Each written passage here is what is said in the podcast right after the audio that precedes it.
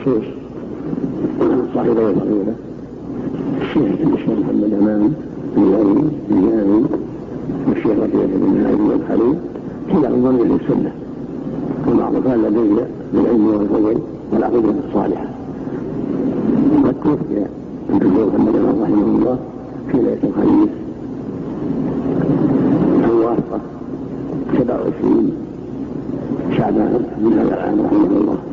فأوصي بالإسناد من كتبه الماء نسأل الله أن يوفق الجميع وغيره وأن يرفع في للفقير الشيخ المتنام وأن يوفق جميع المسلمين. بما في رضاه وصلاح أمر عباده عند مسلم قريب